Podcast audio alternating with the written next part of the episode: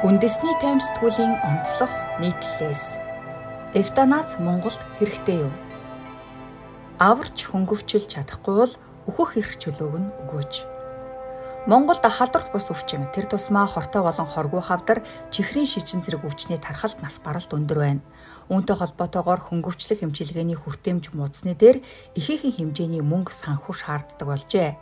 Монгол шиг улсад байгаагийнхаа үүлээр иргэд амьдралынхаа сүүлийн өдрүүдийг өвдөлт шаналлтаар өнгөрүүлж ар гэрээ эдийн засгийн дарамтанд оруулан сэтгэлийн зовлонтойгоор хойчин замдаа гарч байна. Бид энэ удаа зүг чиг буландаа эвтаназ буюу өвчнийхөө сүүлийн шатанд орсон өвчтнийг өөрийнх нь хүсэлтээр эмнэлгийн байгууллагын тусламжтайгаар зовлон зүдгүүрээс нь ангижруулах үйл ажиллагааг хуульчлах хэрэгтэй эсхийг хөндлөө. Эвтаназ гэж юу вэ? Эвтаназ гэдэг нь сайн үхэл гэдэг грек үгнээс үүсэлтэй бөгөөд эдгэршгүй хүнд өвчтнийг өөрийнх нь болон гэр бүлийнхнийх нь хүсэлтээр эмнэлгийн тусламжтайгаар зовлонгоос нь ангижруулахыг хэлдэг. Эвтаназийг Гиппократийн тангарагтаа зөрчилднө гэж үздэг хэдий ч дэлхийн улс орнууд ээлж дараалан хуульчилсаар байна. Ялангуяа 20 дугаар зууны сүүлээс эхлэн анхаарал гойд хандуулах болсон бөгөөд амьдралын чанар гих ойлголттой уялдан уламж чухах сэдв басаар байна. Зөвтгөх шалтгаан нь зовлон шаналл биш, аз жаргал, сөрөг сэтгэл хөдлөл биш, эерэг сэтгэл хөдлөлт давмгаалж байж л амьдрал жинхэнэ амьдрал болдог.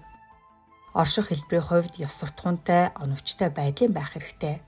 Харин сүүлийн мөчүүдэд амьдралыг тэтгэх нь санхүүгийн асар их зардал шаарддаг гэж үздэг.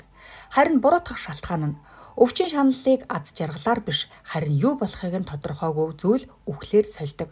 Амьдрал бол хамгийн сайхан зүйл гэж үздэг үзлийн хүрээнд бол эвтаназыг хүлээн зөвшөөрөх аргагүй юм. Хуулиар зөвшөөрсөн улс орнууд Эвтаназ гэсэн ойлголт дэлхийн 2 дугаар дайны үед Европын орнуудад маш өргөн тархсан байжээ. Нацистуудын харгислалын үед хэрхэн хүчээ авсныг тайлбарлах шаардлагагүй байз. Харин инх тайван тогтсон үед эвтаназыг хуульчлан баталсан анхны улс нь Нидерланд юм. Тус ус эдгэршгүй хүнд өвчтний зовлон шаналлыг багасгах үүднээс үхлийн эмнэлгийн аргаар түргэсгэх хуулийг 2002 онд баталсан юм. Бастамагийн хэрэг гэж нэрссэн өвчтөнд өөрийнх нь болон ар гэрийнхнийх нь хүсэлтийн дагуу туслаад яллагдсан эмчийн хэрэг 1980-аад онд хэд хэдэн ижил төстэй хэрэг энэ хуулийг батлахад гол нөлөө үзүүлсэн байдаг. Тэдэнтэй зэрэгцээд Бэлэг улс эвтаназыг хуульчилсан байна. Бэлгэд 2003 онд 200 өвчтөн эвтаназын аргаар амьдралаас хагцсан бол 2004 онд 360 болж бараг 2 дахин өсжээ. Одоо бол жилд дунджаар 1500 орчим хүн эвтаназийн аргаар амьдралаас явдаг.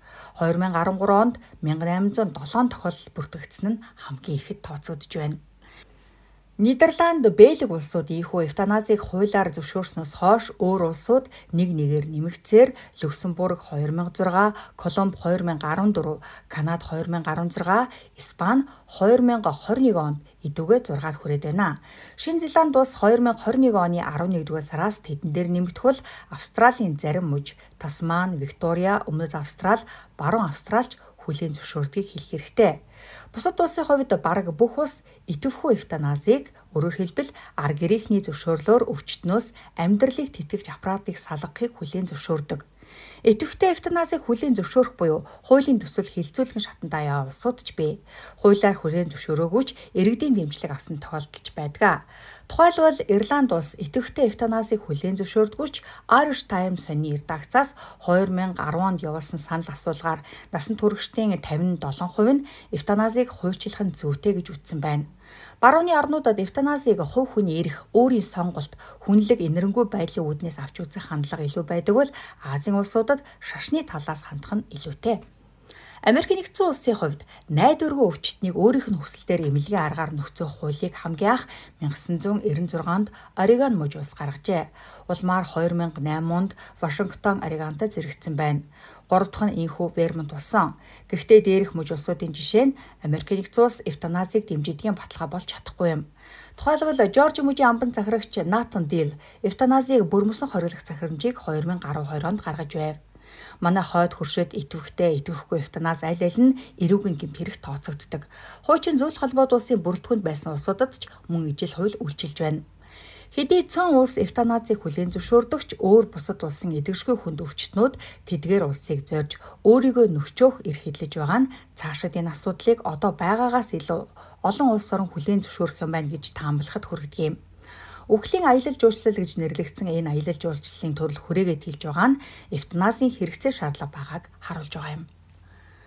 Монгол улсад байдал ямар байна вэ? Өнөөдөр Монголд эдгэшгүй өвчнөр өвцөн хүн өвчнөдөө шансаар өрөөч зовж ар гэрээж эдийн засгийн асар хүн дарамтанд оруулаад амьдралаас буцаж байгаа нь гашуун үнэн. Гэсэн ч эрх хоригчид иргэдээ ийм өрөвдөлтөй байдалд хүйснийхээ хариуцлагыг хүлээхгүй байх зохицуултыг бодож олсон байдаг. Тодруулбал эрүүл мэндийн салбарын хууль тогтоомжуудад өвчтөн сайн дураараа эмчилгээнээс татгалзах эрхтэйгээ заажчихсан. Тэгсэн мөртлөө эмнэлгийн тусламжтайгаар хүлхийг эрүүгийн хуульд хүн амны хэрэг гэсэн зүйлчлэлд оруулсан байдаг юм аа. Тэсэшгүй хүн дээр өвдөж шаналж байгаа өвчтнийг хөнгөвчлөх хэмжээлгээний тасагт хэвтүүлэхийн тулд эхлээд дугаарт бичиж авдаг. Өөрөөр хэлбэл хэвтгэхийн тулд ор гарахыг хүлээх шаардлагатай. Ор гартал тэсэд хөвцөн ч 7-оос 10 хоноолоод л дараагийн өвчтөн аавна гэж хэлээд гаргана. Бүртгэлээ харин өвчтөн сайн дураараа эмчилгээнээс татгалзах хэрэгтэй гэдэг заалтыг ашиглан хөтэлдэг. Одоо энд ямар ч хэмжилгээ байхгүй. Гэртээ байснаас 7 дор гэртээ асарсан нь хамаагүй дээр гих мэтгээр ятгаад л татгалзуулчихж байгаа юм. Хөөхөн өвчтөн гэртээ гараад мөнгө төгөргүй бол өвчнөдөө шансаар хорвоог орхих гашуун тавилантай тулдаг. Хууль журмаараа иргэддээ тарчилж өгөх ялганоочход яваад байна. Эдгэршгүй өвчтөе нэг өвчтөн эрүүл мэндийн хуулианд дагаж болно. Дагаж сайн дураараа эмчилгээнээс татгалцаас өөр аргагүй ч болдог. Харин эмчийг оролцуулж болохгүй. Шулуухан хэлэхэд өөрөө зовж тарчилж үхээ. Эмнэлгийн тусламж авч өвчин зовиргүйгээр нүд анивал эмч чинь шоронгийн хадаас болно шүү гэсэн маш харигс зохицуулалт үйлчилж байгаа юм. Нөхцөл байдал ийм л байна. Хөнгөвчлөх эмчилгээний чанар хүртээмжийг нэмэгдүүлвэл эвтаназ хэрэггүй.